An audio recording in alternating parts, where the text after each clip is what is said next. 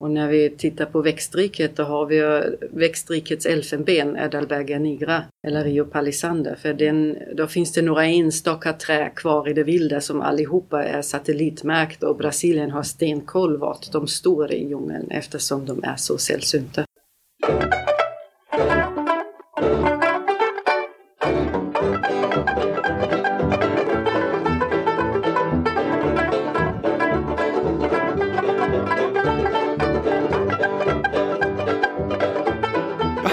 Välkomna till Designpodden. Hello!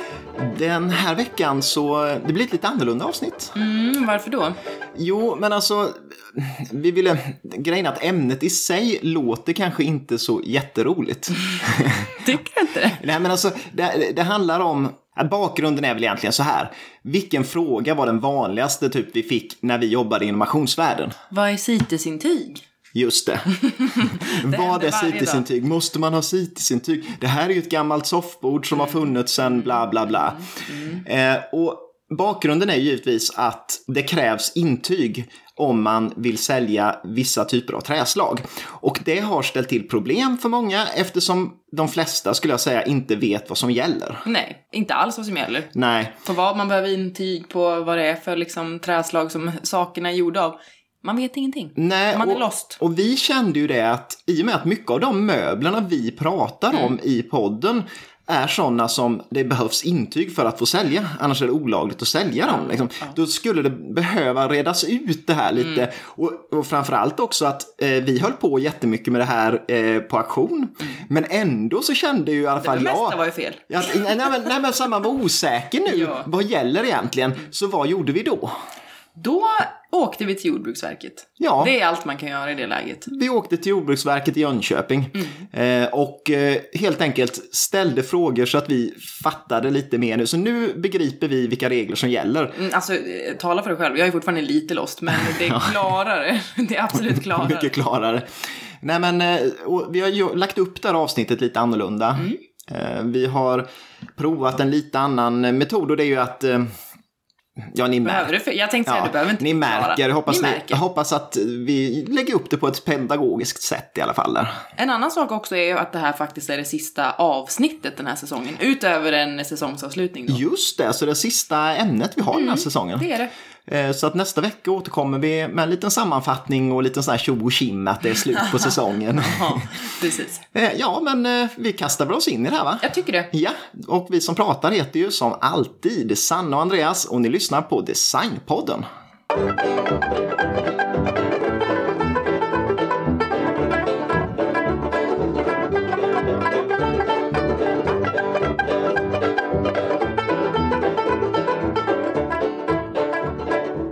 Jag ska bara börja med lite bakgrundsinfo. Ja, gör det. Så man känner sig att man har så här lite koll innan. Och varför det är viktigt känns det som också va? Precis va. Och det är då uppgifter från FNs miljöprogram UNEP. Mm. 2018, det var ett mörkt år för regnskogen mm. här i världen. Under året så avverkades regnskog på 120 000 kvadratkilometer. Och det är ungefär en yta som motsvarar från Skåne till en bra bit norr om Stockholm. Ja, så det, det, det är så ofantligt mycket mm. som avverkas varje år. Ja, det är svårt att tänka sig. Och det jag vill säga här är ju egentligen också att jag tycker när man växte upp eh, jag var ju barn på 80-talet liksom och då, mm. då brydde man sig inte så mycket om miljö. Men man brydde sig om regnskogen av någon anledning. Alltså. Och då pratades det mycket om regnskogen.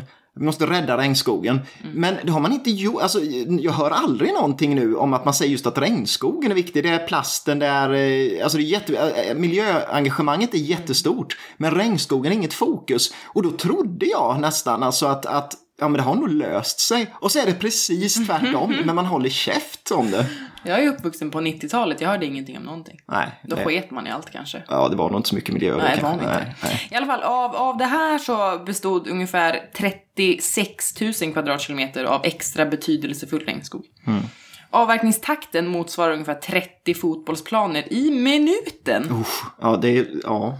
Så på det här poddavsnittet så kommer det vara ungefär 1800 fotbollsplaner regnskog som har avverkats. Ja, från och med nu tills vi slutar. Mm.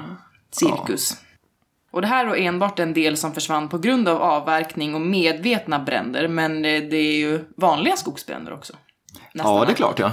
Så det är ju mer än så. Men de är borträknade i de här ja. siffrorna. Det är bara mänsklig påverkan, det är så här otroligt mycket. Och man vill ju inte vara den, men Brasilien är faktiskt ett av de största problemen. Mm. ja, ja, inte Brasilien som land då, men den högerpopulistiska presidenten, man kanske säger Jair Bolsonaro. Mm, jag tror det. Eh, min portugisiska är sisådär. ja. Han är då tydligen en klimatförnekare och har för avsikt att kraftigt öka avverkningen av regnskog för att bygga ut odlingar och gruvdrift. Mm. Han kallas också tropikens Trump. Och det ligger väl lite i det ja. där klimatförnekandet. Att det gör ju det va? Det är bara påhitt, konspirationsteorier där liksom. Och, ja, Klassiker. Produktionen av kött, sojabönor, choklad och palmolja är de största bovarna. Mm. Enligt Öyvind Eggen, generalsekreterare i norska regnskogsfonden, är läget kritiskt och absolut på väg i fel riktning som mm, du sa, mm. inte åt rätt håll. Nej. Och han säger, världens skogar ligger nu på akuten och hotas av död med tusen hugg. För varje hektar som försvinner så tar vi ett steg närmare ett skräckscenario med okontrollerade klimatförändringar. Ja, ja det känns ju dystert. Vad får det här för effekt då? Jo, mm. regnskogen binder mycket koldioxid i atmosfären. Mm. Och eh, följden då när skogen försvinner är global uppvärmning. Ja. Och en stor del av världens växt och djurliv lever ju uppenbarligen i regnskogen och eh, riskeras att utrotas inom kort. Regnskogarna är också avgörande för nederbörden i hela regionen och torka blir ju då en direkt följd. Och sist men inte minst så är ju avverkningen ett hot mot urbefolkningen som faktiskt lever i regnskogen. Så mm. att det blir ju indirekt folkmord Ja, det, det är ju liksom, man, man slår ju ut hela befolkningsgrupper. Mm. Och eh, jag tror inte man förstår vilka fruktansvärda konsekvenser det får att de här områdena bara skövlas, förintas. Mm. Och eh, de kommer ju aldrig tillbaks igen. Nej. Tyvärr. Varje år dödas också omkring 300 miljöaktivister som slåss mot de här avverkningarna. Mm. Orsaken till dagens avverkning är alltså inte i huvudsak timmer, utan livsmedel Eh, palmolja och eh, choklad. Jag som gillar choklad så mycket. Ja. Nu kan man få dåligt samvete. Ja, precis. Många träslag är akut hotade och kommer sannolikt också utrotas mm. om inte det händer någonting. Så det är, vi snackar inte bara djur och, och liksom växter överlag, utan de här träden i sig. Ja, kommer inte finnas kvar. Mm -mm. Och de här träden då, det, det, är ju det som är ingången till det här avsnittet. Ja, det är det vi lägger fokus på, Just på för att det handlar om möbler. Precis, och att man har använt mycket, och använder fortfarande, mycket regnskogsvirke mm. i möbeltillverkningen. Och det träslag vi kommer att prata mest om och eh, lägga fokus kring är ju rosenträ.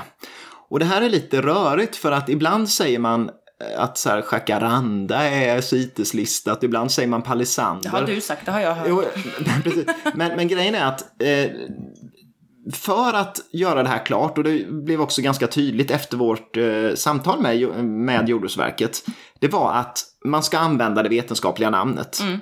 Det vill säga rosenträ eh, som då heter Dahlbergia, eh, det släktet. Mm. Det är det släktet som är det här mest hotade mm. släktet. Också tyvärr då ett typ av trä som används väldigt mycket i eh, möbler. Eh, framförallt ska jag säga i Skandinavien, de här mm. skandinaviska designklassikerna. Och Dahlbergia och Dahlbergia nigra som eh, den här Rio-palisandern som man pratar om heter, det tillhör faktiskt familjen ärtväxter eller Asså? baljväxter och det Aha. hade jag ingen aning om. Nej, vadå? Eh, och de kännetecknas då av att de har fem kronblad när de blommar. Men sen fröna samlas i en kapsel eller en balja. Är och det är ju på trädet också? Ja, det är så på trädet. Jag kikar lite på nätet och där fanns det bilder på de här frökapslarna i Dahlbergia-träden. Mm. Och de här träden är ju mäktiga, de kan bli 30 meter höga och ungefär lika breda. Och de har rödaktig bark och spetsiga blad som är gröna året om. Och sen små gula blommor som växer i grupp. Det låter jättefint. Ja, väldigt fina. Så mm. Och sen veden då, när man sågar upp dem, då är den så här svagt rödaktig redan från början.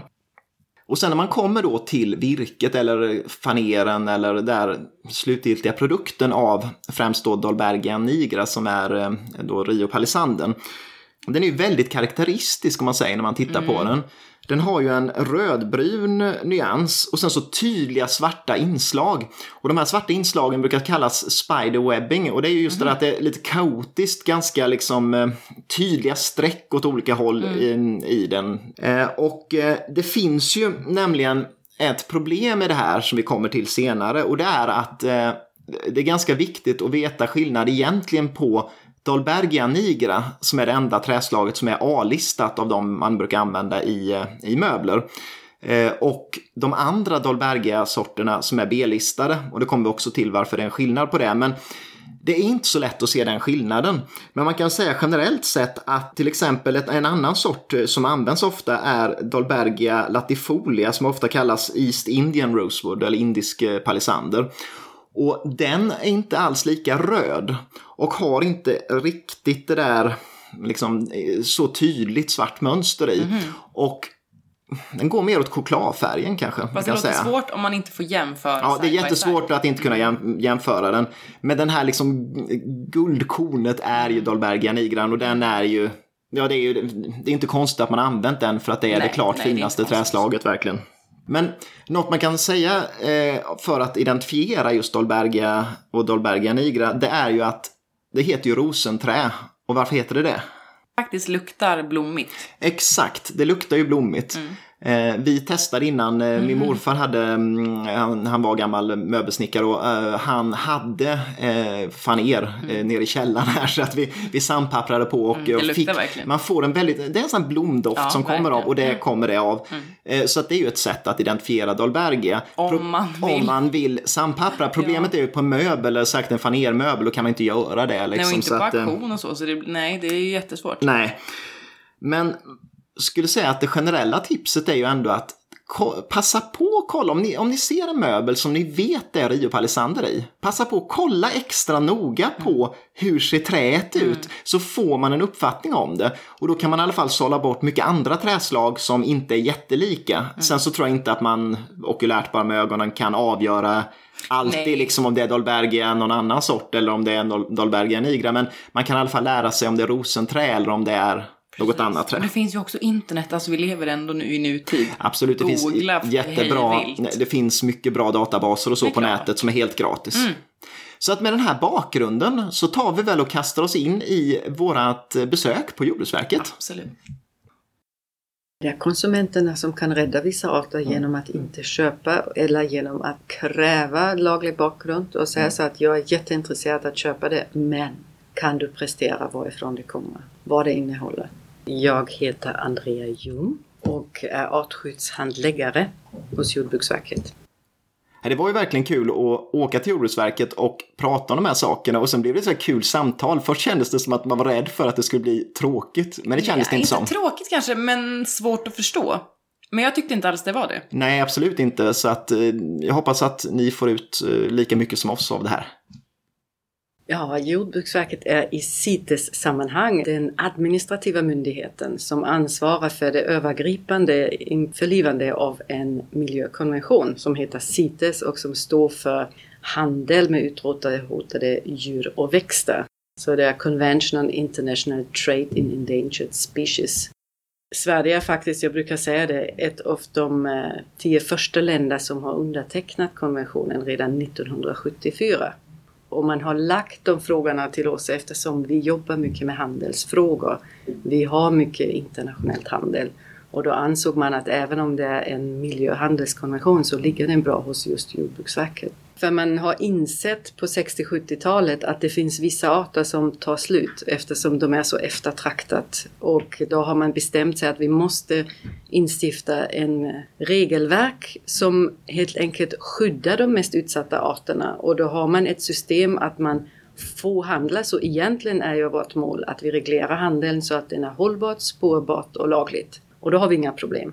Men vissa arter är så eftertraktat och då är kan man ju ta elefanterna och elfenben att det har spårat ur och då finns det mycket tjuvjakt och då finns det mycket illegal handel och då blir det ett problem. Och då hamnar arterna i den högsta skyddsklassen och då får man inte handla med vilda exemplar längre eftersom det är inte är hållbart. Man håller på att utrota arten. Och när vi tittar på växtriket då har vi växtrikets elfenben, Edalberga nigra, eller Rio Palisander. För den, då finns det några enstaka träd kvar i det vilda som allihopa är satellitmärkta och Brasilien har stenkoll vart de står i djungeln eftersom de är så sällsynta. Och det är väldigt många som säger så att ja men de där gamla grejerna, de, det spelar ingen roll. Och jo, de spelar roll för de skapar efterfrågan. Och de, eh, om du inte är helt säker att de är gamla så kanske du har bidragit till en tjuvskjuten elefant när du köper det där tveksamma föremålet. Så man ska inte köpa något som är tveksamt. Vi gillar second hand-handel eftersom det är en uthållig handel. Vi vill absolut inte hindra att folk kan sälja men vi vill att folk följer reglerna. Det är viktigt för oss. Och CITES den, den är gammal den konventionen men den är fortfarande stark och den behövs för att vi ska skydda de arter som behöver skydd. Ja, det som är viktigt här är väl att förstå sambandet mellan de faktiska sakerna som händer och reglerna som finns. Mm. Jag tror att många bara tycker det är en pain in the ass att myndigheterna lägger sig i vad jag köper och säljer. Mm. Men vad är konsekvenserna om det inte hade funnits ett regelverk? Jag tror bara att det handlar om att folk inte förstår. Alltså folk bryr sig ju generellt om att saker blir utrotade. Ja. Det gör ju folk. Ja, så ja, det visst. handlar om att man, att man inte vet. Man vet inte och man vet inte hur det ser ut och därför var det intressant att få veta lite bakgrunden. Mm. EU har sitt helt eget regelverk eftersom CITES handlar ju om gränsöverskridande handel och EU, vi har 28 medlemsländer som handlar med varandra och därför har vi inom EU ett system med CITES-intyg. Så snart vara går utanför eller komma in utifrån så måste det finnas tillstånd, så import exporttillstånd. Men handlar jag inom EU med en A-listat exemplar, ett exemplar som är i högsta skyddsklassen, då måste jag ha ett CITES-intyg. Och för alla exemplar i B-listan så måste jag ha en så kallad lagligt bakgrund. Och det, det, är ganska intressant för konventionen har ju romersk 1, 2 och 3. Och EU har A, B, C, D. Och det D är bara vid import. Då talar man om för tullen att jag importerar den här arten. Och därför att EU vill hålla lite extra koll på de arterna. Hur mycket handlar vi med dem? C-listan, då har ett enstaka land sagt den här arten är hos oss så hotat att vi vill skydda den. Och det är oftast ett första steg till en B-listning. Och då har vi har några träslag som är på C-listan och då är det så att om den kommer in så måste det finnas ett exporttillstånd från avsändarlandet eller ett tillstånd som säger att den har lagligt ursprung för egentligen behövs ju bara exporttillstånd från det landet som har listat det och där det kommer ifrån. Men vid allt internationell handel måste den arten ha någon slags tillstånd, intyg med sig. Och samma när den lämnar EU så måste den få ett eh, slags exporttillstånd. Och det är tyvärr så att väldigt, väldigt många glömmer bort de C-listade arterna. Men den stora massan det är de B-listade kan man säga. De B-listade är så att man har uppmärksammat, de eh, börjar bli hotade, så nu måste vi reglera handeln. Och om vi sköter det på ett snyggt sätt så är det inga problem. Då har vi en hållbart, spårbart, lagligt handel. Man kan ta till exempel alla våra uranband som kommer från Mississippi alligator. Eh, det är alligatorer som lever ett fint liv i USA och som eh, blir skjuten och blir fina uranband och det är inga konstigheter med dem. Då kan vi ta med alla de Dalberga-arterna som nu har blivit listat. Alla dessa gitarrer, så egentligen vill vi gärna undanta dem för det är så fruktansvärt många tillstånd som det genererar. Men där har vi i nuläget inget problem. Men eh, man har insett att vissa Dalbergia-arter är väldigt sköra och väldigt utsatta och eftersom tullen inte kan hålla isär dem mm. så har man listat dem av så kallat lookalike skäl. Och det är ganska vanligt, orkidéerna har man samma fenomen, eller kaktusar, att mm. hela rubbet är listat eftersom en tulltjänsteman kan inte stå där och säga ja just det, det här är den här orkidén. Det funkar inte. Och då listar man alla orkidéer. A-listat exemplar, ett exemplar som är i högsta skyddsklassen. Deras existens är hotad om vi gör uttag från det vilda. Sen finns det ett system med att om de är fångenskapsuppfött eller och speciellt på trä så blir det lite annorlunda om du har en plantage och gör artificiellt förökade trä. Då kanske du kan handla med det men eh, normalt visst är det högsta skyddsklass då är det no-go. Då får du inte handla om det kommer från det vilda. Och egentligen brukar jag säga att det är ett misslyckande om en art kommer upp i högsta skyddsklass. Alla djurrättsorganisationer de jublar alltid så här Åh, nu är den på A! Och vi säger alltid Nej, det här är ett jättemisslyckande för vi har visat att våra åtgärder att reglera handeln har totalt misslyckats. Så vi vill egentligen att de överhuvudtaget inte behöver listas och om de är på B, att de är det på B och att vi fixar det, att vi har en hållbar och laglig handel.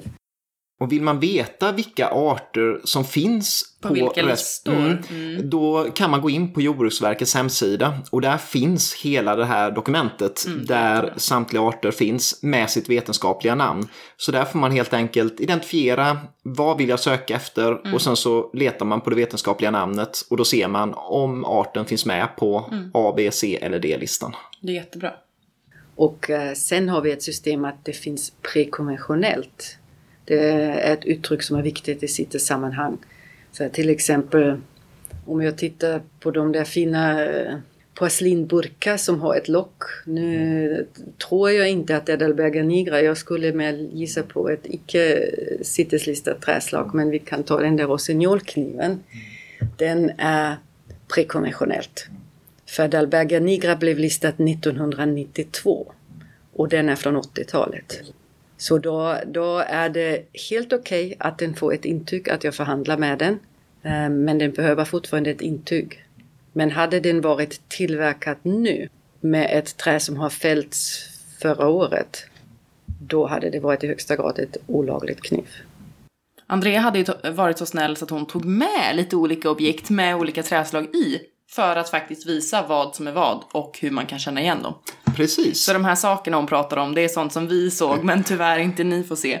Exakt. Men det hjälpte jättemycket. Och ja. jag var fan grym på att se vad som är vad. Ja, du kände igen träslagen där. Ja, så jag är så stolt.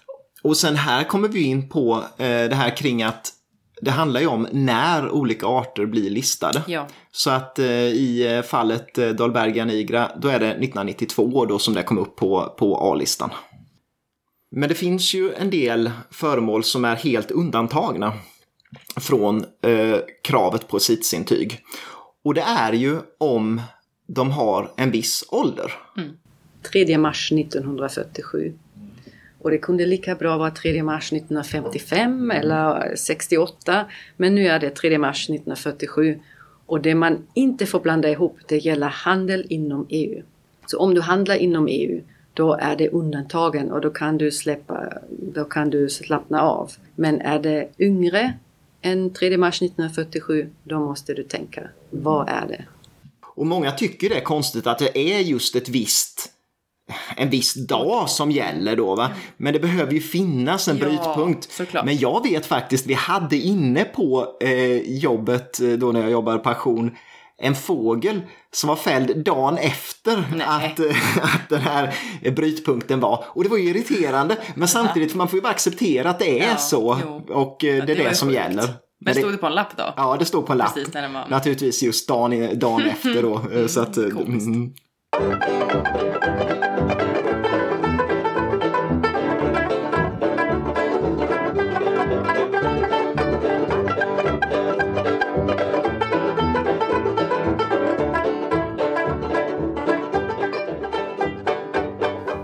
Som dyker upp i möbler så ska jag vara helt rak så är det Dalbergia nigra. För jag har inte stött på de andra i sittesintygssammanhang. De B-listade däremot, de kan dyka upp. Och där är jag mahogny ett problem eftersom de är allihopa på B. Så inom EU kan du handla som du vill. Men sen har vi en mahognyart.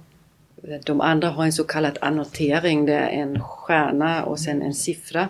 Och då är det så att CITES vill inte hindra handel. Och på träslagen har man en tradition att göra en annotering där man bara skriver till exempel bara timmerstockar och faner. Eller bara det här är CITES-listat. Och de flesta mahognyarterna, det har man sagt så att de färdiga produkterna är inte listade. Så när det går, och man, det har bakgrunden att det viktiga är att man reglerar ursprungslandet till producentlandet. Det vill man ha stenkoll på. Sen slutproducenten är egentligen inte det viktiga i träsammanhang. Men nu måste jag bara titta, det är Svitenia humilis eller Stilla havsmahogny som är den luriga. Som, eh, och jag måste vara helt rak att uh, jag vet inte hur man ska skilja den rent optiskt från en annan. Så därför säger jag till folk om du vill specialisera dig på möbelexport, försök undvika mahogny. För det är inte lätt. Man listade hela rosenträdsläktet Och det var för oss som administrativ myndighet en ren mardröm. Eftersom det visar sig att nästan varenda gitarr innehåller det. Och jag har tagit med ett halsband som jag på 80-talet har fått från min syster som en julklapp. Och jag kan säga att den innehåller garanterat rosenträ, några av de mörka. Så det skulle vara en no-go för internationell resandet. Mm. För vi jobbar just nu med att försöka undanta um, mindre mängder personlig gods och få en annotering som säger att just sånt behöver vi inte bry oss om och färdiga gitarrer behöver vi inte bry oss om. Men det är inte alla länder som är så övertygade om att det är rätt. Och då kan man inte undanta. För, och det, det är faktiskt svårt. Sen en annan träslag som diskuteras väldigt mycket det är ebenholts. Mm. Och där har vi i dagsläget är det bara ebenholts från Madagaskar som är listat och då också inte de färdiga produkterna. Den halsbandet och elefanten det är båda två ebenholts. Mm. Och det, det skulle ha väldigt, väldigt stor påverkan på musikinstrumentbranschen om eh, ebenholts, de färdiga produkterna blir listade. Och teak, det är en jättevanlig fråga att folk säger ja men teak är väl CITES-listat? Nej, det är det inte. Och Jacaranda mimosifolia är ju inte CITES-listat. Det är ett väldigt vackert violettblommande trä. Vi har några träslag nu på diskussion som kommer vid nästa mötet men det, vi vet inte om de kommer bli listat. Det är bland annat ett förslag att lista alla mahogny. Och på sätt och vis skulle jag kunna tycka att ja, det kanske är bättre. Men eh, så länge de har en annotering att det är det virket och timret och det som man tillverkar saker i, inte de färdiga produkterna. För de färdiga produkterna med mahogny, då har vi att göra. Och det är ingen som har vågat att föreslå teak, men det skulle, om man skulle gissa helt fritt så är det ju ett träslag som definitivt är i far och sonen eller som man kan börja fundera för det finns väldigt få ute i det vilda som det finns väldigt mycket plantage. Men den har inte den kvaliteten som de vilda regnskogsträden har. Ja, men det är ju lite rörigt kring vad som gäller för, vad, för, liksom för olika typer av träslag. För finns det med på en A eller B-lista? Men sen finns det också de här fotnoterna som finns. Eh, som säger att mycket av träslagen som är listade är ju listade bara för handel då med råmaterialet. Ja, eh, och inte en möbel eller en gitarr eller vad det nu är. Men sen finns det ju de här undantagen. Eh, och, eller undantagen är det ju inte utan det är egentligen det som är regeln. Men det finns ju ett antal träslag som, som faktiskt alla allting som det ingår i är eh, listat och skyddat och handeln är reglerad. Och det gäller ju då eh, till exempel, eh, ja, som de sa just för A-listat så är ju eh, Dahlbergia Nigra det man behöver hålla utkik mm. efter. Vill man exportera då är det ju en annan tänka? sak. Ja, då måste man tänka sig för, för då finns det ju mer saker. Det var ju den här Stilla havsmahognin som är ett problem. Det finns ju mycket båtar tydligen. Mm. Hon berättade ju kring det här att det var så jätteproblem med att eh, har man en segelbåt med i Stilla havsmahogny, du, du måste ha så tillstånd för varje land du besöker. Och, ja, det, så att det vill man ju inte ens tänka på Nej, knappt. Nej, jobbigt. Ja. Fast det ska inte, den inställningen ska inte vi ha. Nej, men i alla fall eh, tänka på skillnaden att Handel inom EU, då gäller CITES-intyg och då är det de A-listade arterna som gäller. Men export, import, även till Norge som är ett land utanför EU, då gäller det ju även de till exempel B-listade arterna och det, eh, då måste man ha ännu mer koll och vara ännu mer vaksam. Och sen har vi en annan problematik som vi har pratat mycket med våra danska kollegor att egentligen så höjer vi värdet på vissa möbler genom att vi utfärdar intyg. Och ibland när vi ser bilderna så känner vi så att det där är inte Dalberga Nigra aldrig i livet. Men söka någon och säga det här är Dalberga Nigra så utfärdar vi. Så vi ifrågasätter inte eftersom är det okej, okay, är det en kattuggla och någon skriver det här är en jaktfalk. Eh, då kommer vi säga så att hallå, det här stämmer inte. Men just med möblerna, vi har inte den kapacitet att börja ifrågasätta. Och vi har den ståndpunkten att om du är övertygad om att det är Rio Palisander, du skriver under att det är Rio Palisander, då får du ditt Rio Palisander-intyg från oss. Och det här är ju en intressant eh, vinkel på det hela. För att många tar det ju för ett bevis på att det är mm. Rio Palisander i en möbel bara för att det medföljer ett intyg ifrån Jordbruksverket. Mm. Men intyget gäller ju inte, det är ju inte ett intyg som talar om att vi, de intygar att det är Rio Palisander. Utan Jordbruksverket intygar att är det Rio Palisander i möbeln, då får man handla med den. Mm. Eh, så jag tror att både auktionshus, handlare, privatpersoner ser lite fel på det där med intygen ibland. Och det är nog ganska lätt att få ett auktionshus att skriva Rio Palisander på en möbel om det medföljer ett intyg, trots att det kanske inte alls är det. Så det är ju något man ska tänka på. Mm, verkligen. Det är ju en sån himla luring. Ja, det är en luring och Jordbruksverket själva säger alltså de är inte de som avgör, men blir det en rättssak då är det upp till säljaren och köparen att mm. ändå veta att mm. vad är det i möbeln jag har köpt eller sålt. Vi har problemet den gamla generationen. De har alltihopa sparat. De har sina pass sparat med Visa in när de var i Indien och köpte det där snygga lilla bordet och att det flyttade sen med bohaget hem till Sverige. De har det dokumenterat och då har vi inte svårt att säga jajamän, vi har dokumentationen. Det kan vara gamla kort där folk har ett typiskt 70-tals inrett vardagsrum med en dam med 70-talsfrissa och klädsel. Inga tveksamheter. Men eh, ibland är det lite detektivarbete så de olika bevisen som skickas med kan se väldigt olika ut. Och det tänkte säga så att det här är jätteviktigt och stenhårt att spara dina kvitton. För generation nu gör inte det längre. Och vi ser det i ansökningar, de gamlingar de har det. De har sin säckpipa som är inköpt 72 så har de sin faktura. Och idag det handlas på nätet, det handlas så mycket utan att man överhuvudtaget resonerar vad innehåller varan. Och det måste man göra. Och handlar man på en loppis, tänk efter. Titta på det du handlar. Och känner du så att hoppsan, här var det en elfenbensinlay, jag har ingen aning hur gammalt det är. Då avstår du från att köpa. Köper man något nu idag så är det jätteviktigt att man alltid kräver vilket träslag är det, vetenskaplig namn. För den fina designmöbeln du köper idag kan innehålla ett citruslistat träslag om fem år. Så utvecklingen går framåt. Tänk på det. Om, folk, om man gillar designmöbler, köp aldrig utan att du får svart på vitt. Vad är det här tillverkat av? Och där, där har vi ett superproblem med just eh, palisander. Folk ringer och säger Åh, oh, jag har ett palisandermöbel.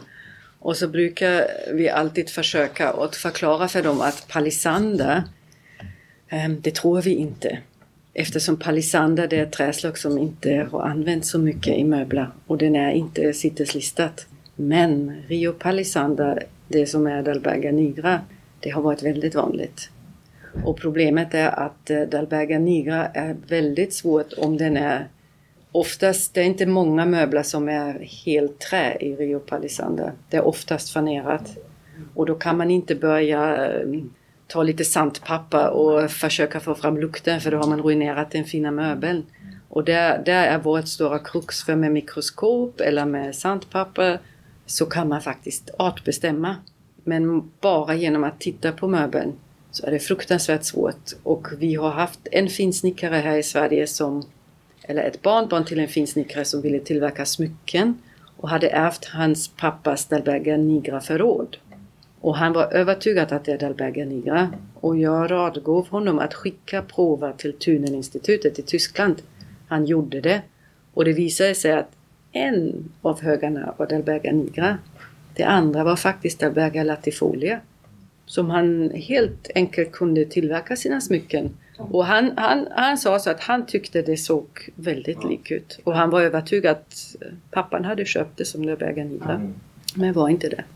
Men det här med att spara kvitton, då tänker jag på din mamma. Ja, det... det är så tydlig skillnad i...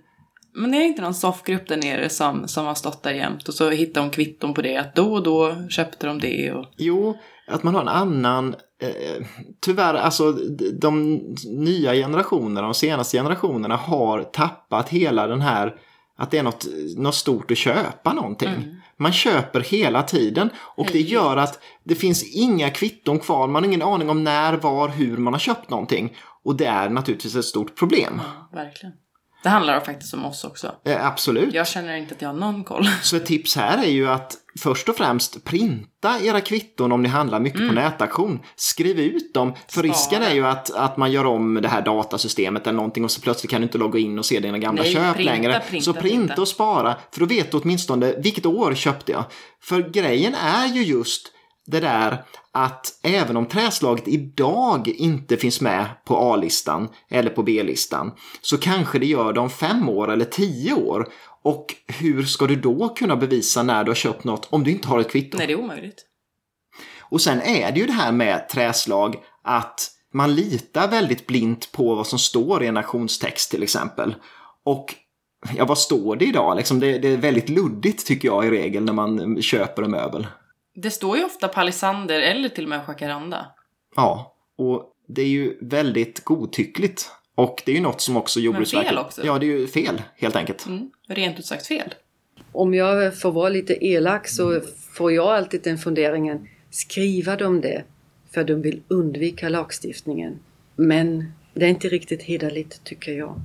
Ja, och här kan man ju tycka att faktiskt auktionshus, handlare och även som privatperson om man köper och säljer eh, möbler och föremål i, i skyddade träslag så man har ju faktiskt ganska stort ansvar. Men ju större företag man är, är man ett stort auktionshus, då ska man veta vad det är man köper och säljer. Mm. Så är det ju. Så enkelt är det.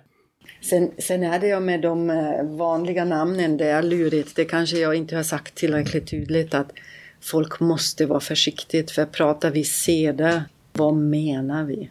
Pratar vi mahogny, vad menar vi? Och pratar vi som vi sa um, ebenholts så finns det så många arter.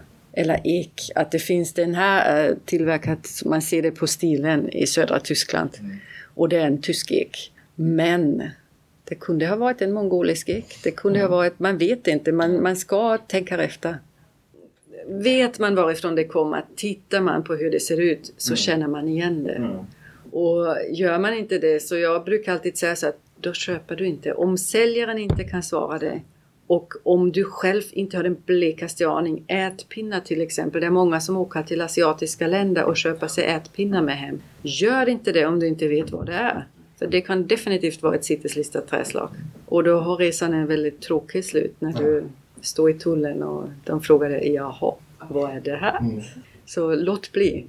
Och det blir ju mer och mer viktigt att faktiskt veta vad innehåller varorna man säljer. Mm. Och därför så ställer det faktiskt högre och högre krav hela tiden på ja, auktionshus och eh, andra aktörer som rör sig i den här begagnatmarknaden att faktiskt ta reda på. Så jag skulle säga att det är otroligt viktigt och fler och fler träslag kommer att komma med på de här listorna. Det ska man veta om. Ja, absolut. Och marknaden idag är ju så pass internationell. Va? Som gör att det finns mycket amerikaner som handlar på, på mm. Bukowskis oh, ja. Market eller på Lauritz. Och, och då vill man veta vad behöver jag för tillstånd för att ta in den här möbeln i USA och därför går det inte att bara komma undan med att skriva lite luddigt att fanerad eh, byrå liksom, utan Nej. man måste tala om vad är det jag säljer? Vad är det här för någonting?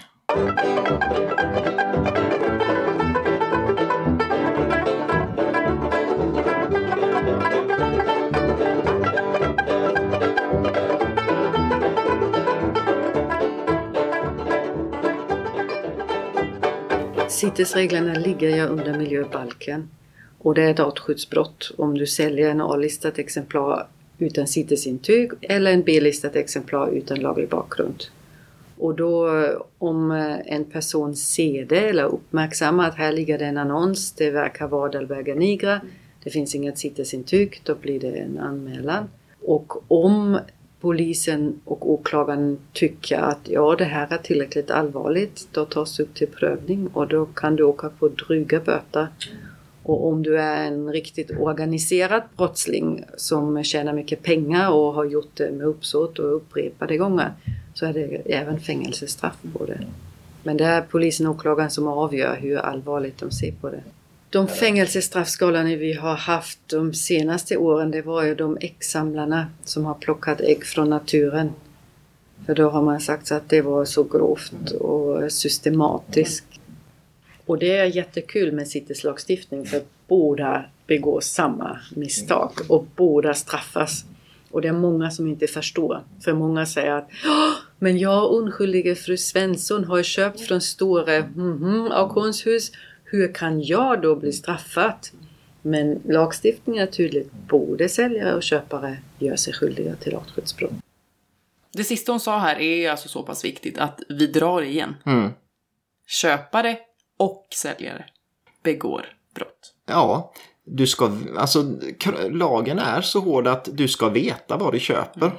Och det är ju dessutom så att om du, det, det är inte bara att du säljer utan att även om du annonserar ut en vara till försäljning som innehåller eh, ett skyddat träslag eller ett ja, päls från ett djur som är skyddat, då begår du ett brott. Och det här är ju viktigt att känna till. Och därför kan man inte lita blint på en auktionstext. Och man kan inte med liksom enkelt bara köpa någonting på Blocket utan att tänka till den här extra gången. Vad är det jag köper? Precis, tänka till och ifrågasätta.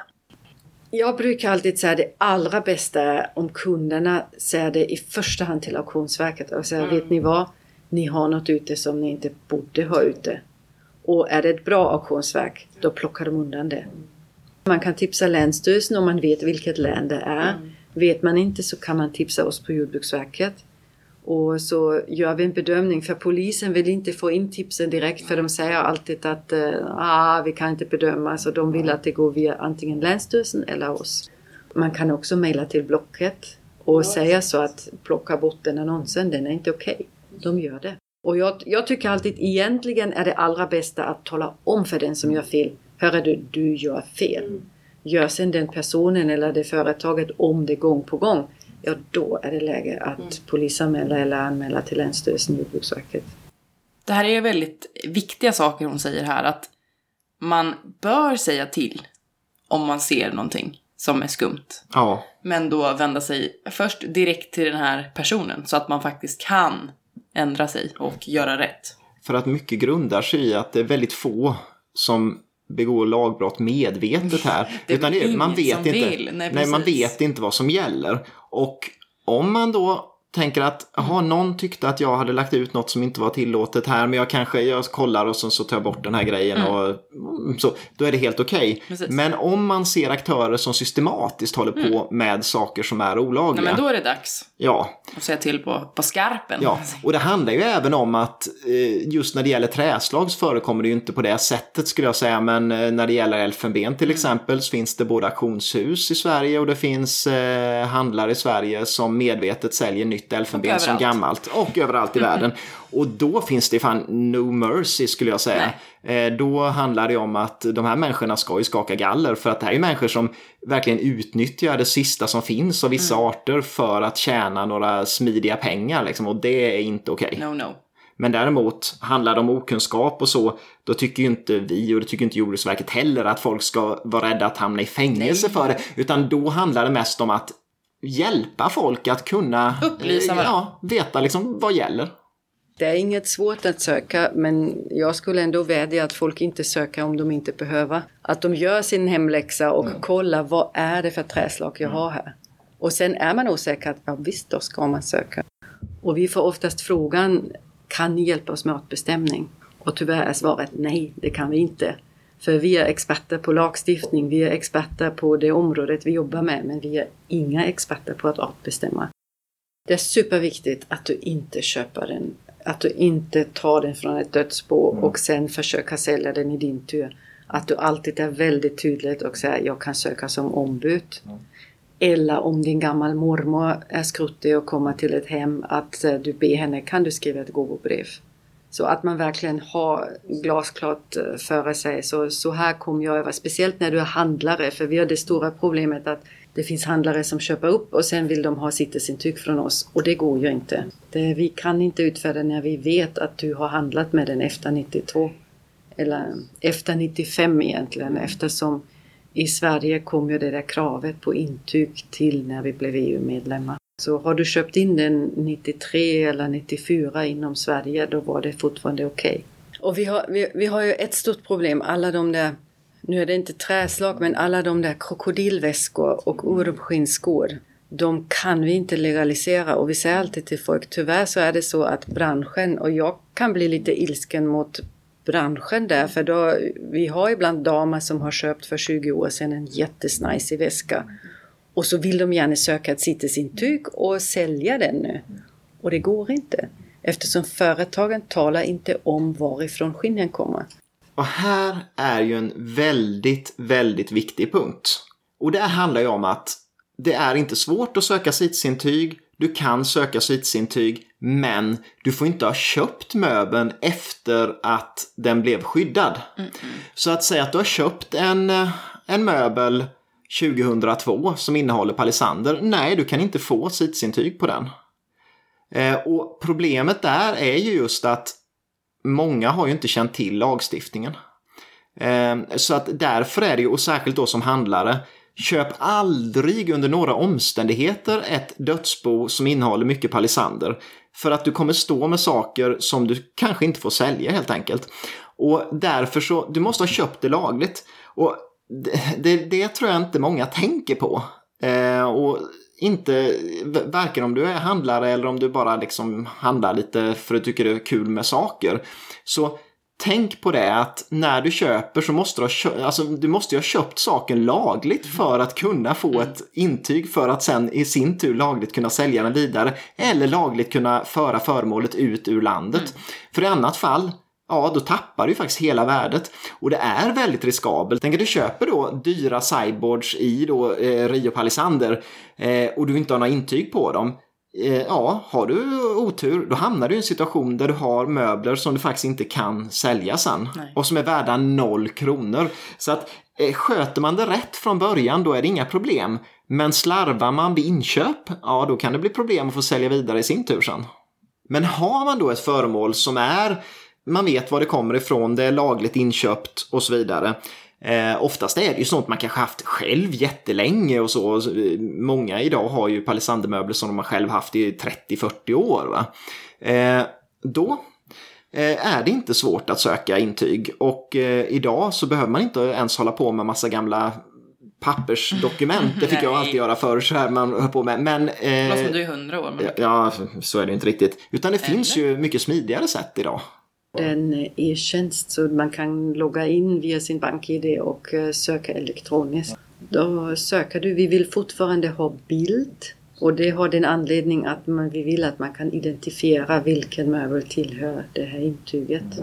Och vi frågar inte exakt när du har förvärvat och vill ha kvitton. Skulle du försöka sälja en eh, skrivbord med elfenbensintarsia då skulle vi klämma lite mer och fråga när exakt har du förvärvat den. Men är det Dalberga Nigra så vet vi att det finns mycket där ute.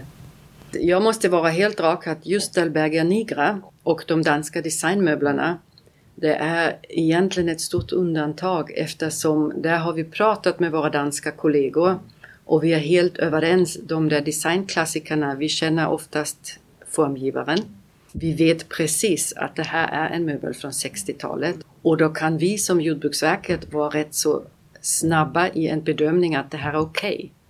Har du däremot ett träslag som är mycket mer ovanligt och ingen känd formgivare, då måste du bevisa för oss när har det här tillverkats och när kom det till Sverige. Men har vi en känd formgivare, en känd tidsperiod, då är det enkelt för oss. Det största problemet vi har är att folk inte läser. Folk har för bråttom. Och fyller man i fel så kan det börja bli jobbigt för då kommer det fel frågor och så blir det konstigt och så hör vi av oss och säger så att ja, vi förstår inte vad du har fyllt i. Varför har du fyllt i det här? Så det rådet som jag kan ge folk är att läs vad som står i rutorna i den där ansökningsblanketten. Läs innan du går in och fyller i vad vi har på hemsidan om just det du vill söka för. Och sen sätter du det lugn och ro och gör det och läser också hjälptexterna som finns. Då kommer det gå bra. Då är det inte svårt. Vi blir väldigt ledsen, eller jag blir väldigt ledsen när folk ringer mig och säger ska jag då köra min möbel till tippen? För det vill vi inte. Vi ska ju ha ett hållbart nyttjande. Det står Jordbruksverket också för. Mm. Och då känner jag så att det viktiga är att folk förstår reglerna och att folk kan följa reglerna. Och söker man sitt intyg för sin Dalberga Nigra soffbord eller skrivbord eller vad det kan vara, matsalsgrupp, så kostar det 350 kronor och sen har man i och för sig lite väntetid men sen är det fixat. Så alltså just när det gäller Dolbergia nigra så är reglerna lite snälla, liksom, eh, de tillämpas Eller, lite snällare. Ja men så tillvida att du behöver inte bevisa kanske alltid i varje fall exakt hur länge du har haft någonting, exakt när du har köpt in någonting. Om det är en designklassiker ja, som man vet. Ja, så man kan visa att Arne Jacobsen gjorde bara de här borden mellan då och då liksom, mm. och så, så då vet man att den är gammal. Men det finns ganska tydliga exempel. Det är att om, man, om Jordbruksverket misstänker att du är en handlare som professionellt handlar mycket med, med designmöbler, då kan du få koll på dig. Mm. Och jag vet att de, de kollade med mig när jag jobbade på, på Lauritz att eh, liksom, ja, är du ombud nu när du söker eller varför har du massa möbler nu du söker på? För att om jag inte hade kunnat säga att jo men nu hjälper jag kunder här att, att söka, då hade jag nog inte fått intyg på de möblerna jag sökte på just på grund av att helt plötsligt skicka in en värsta bing ingen med, med eh, CITES mm. förfrågningar och då kan det bli problem. Så att reglerna är ju givetvis till för att folk ska ju kunna få intyg, men är du handlare, då måste du ha eh, högre krav på dig. Det är inte mer än rätt. Nej, absolut inte. Och tyvärr med, med som, som världen ser ut idag, med eh, den liksom, skövlingen som mm. pågår, då är det nödvändigt att sådana här regler finns. Och eh, därför så är det lite svårare idag än för 30 år sedan att eh, hålla på och handla med eh, begagnade saker. Men det är väl ett pris vi får betala. Ganska litet pris kan jag tycka. För att kunna kanske rädda, rädda. vissa arter. Mm. Nu hoppas vi att ni har fått en liten liksom, bättre koll på... Det vet vi att ni har fått. Ja, det måste ni ha fått nu. ni är smarta, ja, ni förstår. Smartare än oss kanske till och med här. Ja, oh ja. Nej, men vilka regler som gäller. Och eh, vi vill ju tacka jättemycket till eh, Andrea och Jordbruksverket. Ja, för att vi fick besöka. Mm. Och eh, för fikat vi fick där ja, också. Det, också. det var trevligt. eh, nej men och eh, det känns som att eh, det går att förstå reglerna mm. om man faktiskt bara intresserar sig. Och det är en skyldighet att intressera sig om man vill handla. Precis. Tycker jag du sa det bra. Mm, jag tycker det. Och eh, och med det så är det slut på veckans avsnitt och också slut på den här säsongen. Mm. Så att eh, jag hoppas att ni lyssnar nästa vecka också för då kommer vi att babbla på lite om säsongen som har varit och så. Mm, då vet man inte vad som, Nej, vad kan, som händer riktigt. vet man aldrig. Mm. Kommer vi dyka upp där som gubben i lådan igen men eh, så länge så får ni ha det riktigt bra så hörs vi igen nästa vecka. Hej då!